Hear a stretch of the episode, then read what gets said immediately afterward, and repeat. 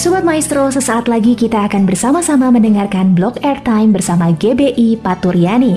Selamat mendengarkan.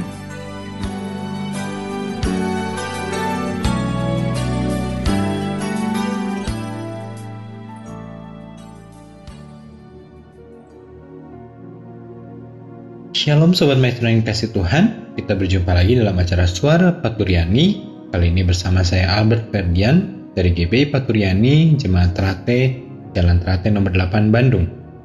Sobat Maestro, tanpa terasa, kurang dari dua bulan lagi kita akan menapaki tahun 2023. Dan menjelang akhir tahun, biasanya setiap orang ataupun perusahaan akan membuat resolusi dan rencana kegiatan serta target-target untuk tahun depan.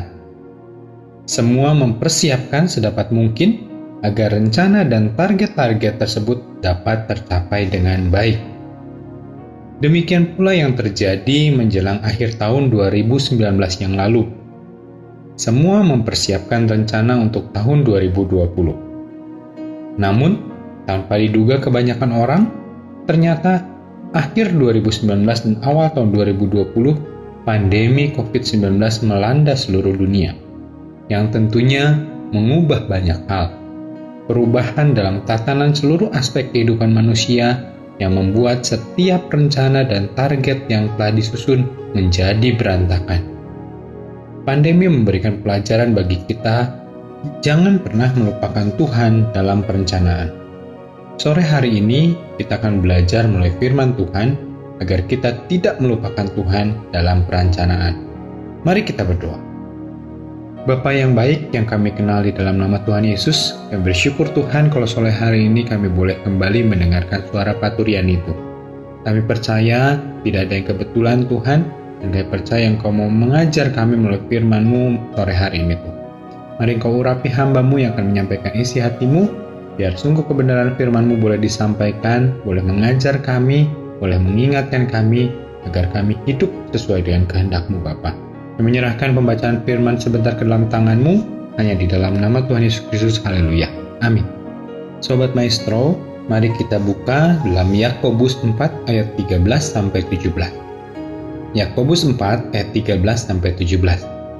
Jadi sekarang, hai kamu yang berkata, hari ini atau besok kami berangkat ke kota Anu, dan di sana kami akan tinggal setahun dan berdagang serta mendapat untung sedang kamu tidak tahu apa yang akan terjadi besok.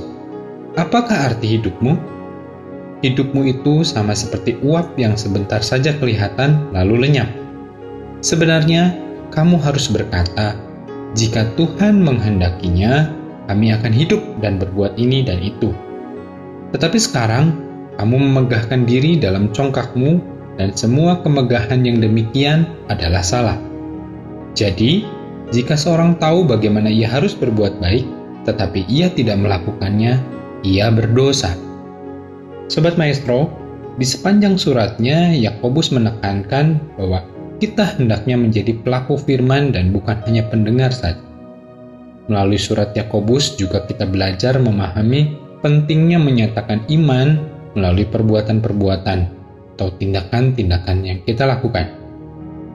Yakobus menginstruksikan para anggota gereja termasuk kita untuk menunjukkan iman kepada Yesus Kristus melalui kehidupan kita. Demikian pun dalam perikop yang kita baca sore hari ini, kita diajak untuk tidak melupakan Tuhan dalam setiap perencanaan kita sebagai bukti iman percaya kita kepada Tuhan. Yang jadi pertanyaan, mengapa kita tidak boleh melupakan Tuhan? Yang pertama, kalau kita lihat di dalam ayat 13 sampai 14a tadi Yakobus 4 bahwa kita tidak tahu apa yang akan terjadi besok.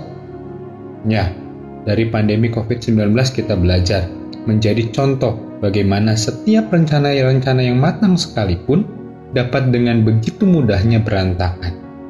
Tidak memandang status sosial, ekonomi, pendidikan, bahkan jabatan semua tidak berkutik menghadapi COVID. Jangan sampai itu terjadi dalam kehidupan kita. Mari libatkan Tuhan selalu di dalam perencanaan kita.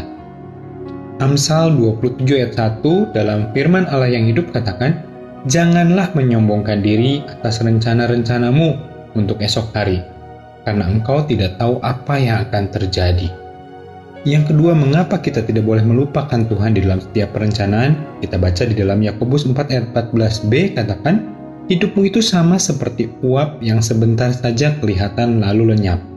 Ya, tanpa Tuhan manusia begitu rapuh.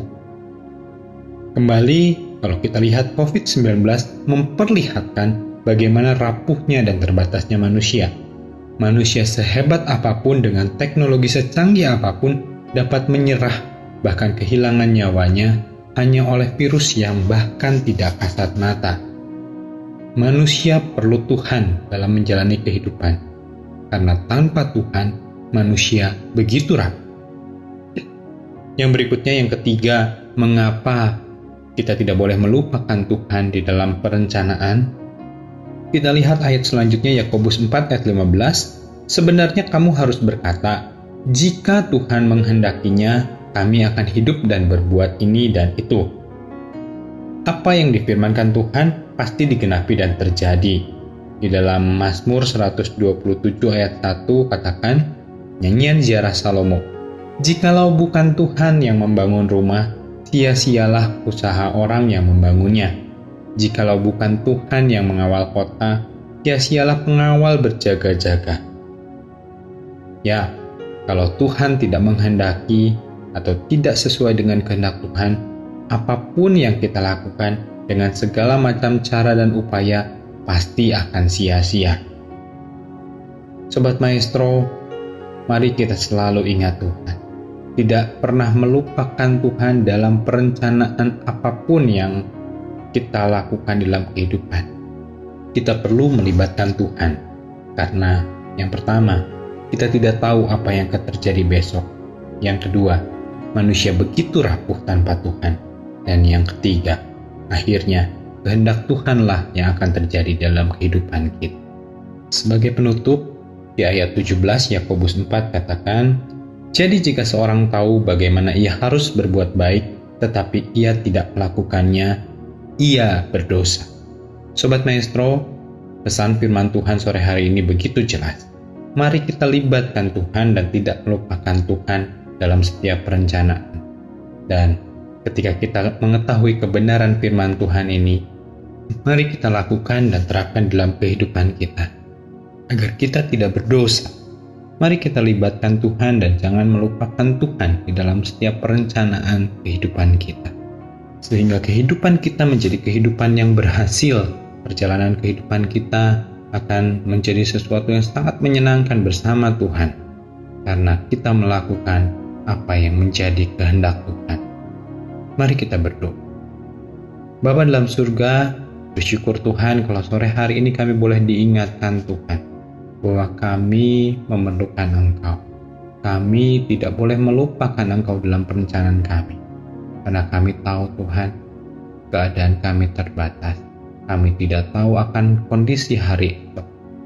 Kami begitu rapuh dan lemah tanpa Engkau Tuhan. Dan kami tahu Tuhan, pada akhirnya hanya kehendak mula yang terjadi dalam kehidupan kami. Maka dari itu Tuhan kami izinkan Engkau yang bekerja penuh dalam kehidupan kami Tuhan.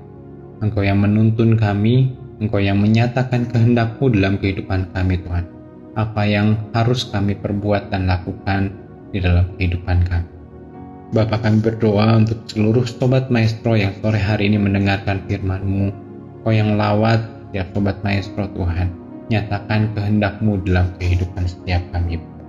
Terima kasih Tuhan, hambamu berhenti berbicara, namun kami percaya roh kudusmu yang akan terus mengajar kami yang akan berbicara kepada setiap kami pribadi lepas pribadi agar kami lebih mengerti dan memahami firman-Mu.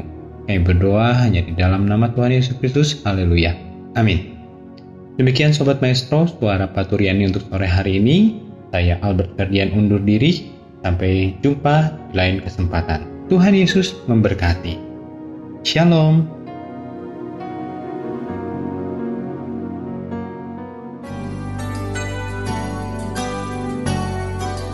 Sobat Maestro, kita baru saja mendengarkan blog airtime bersama dengan GBI Paturyani.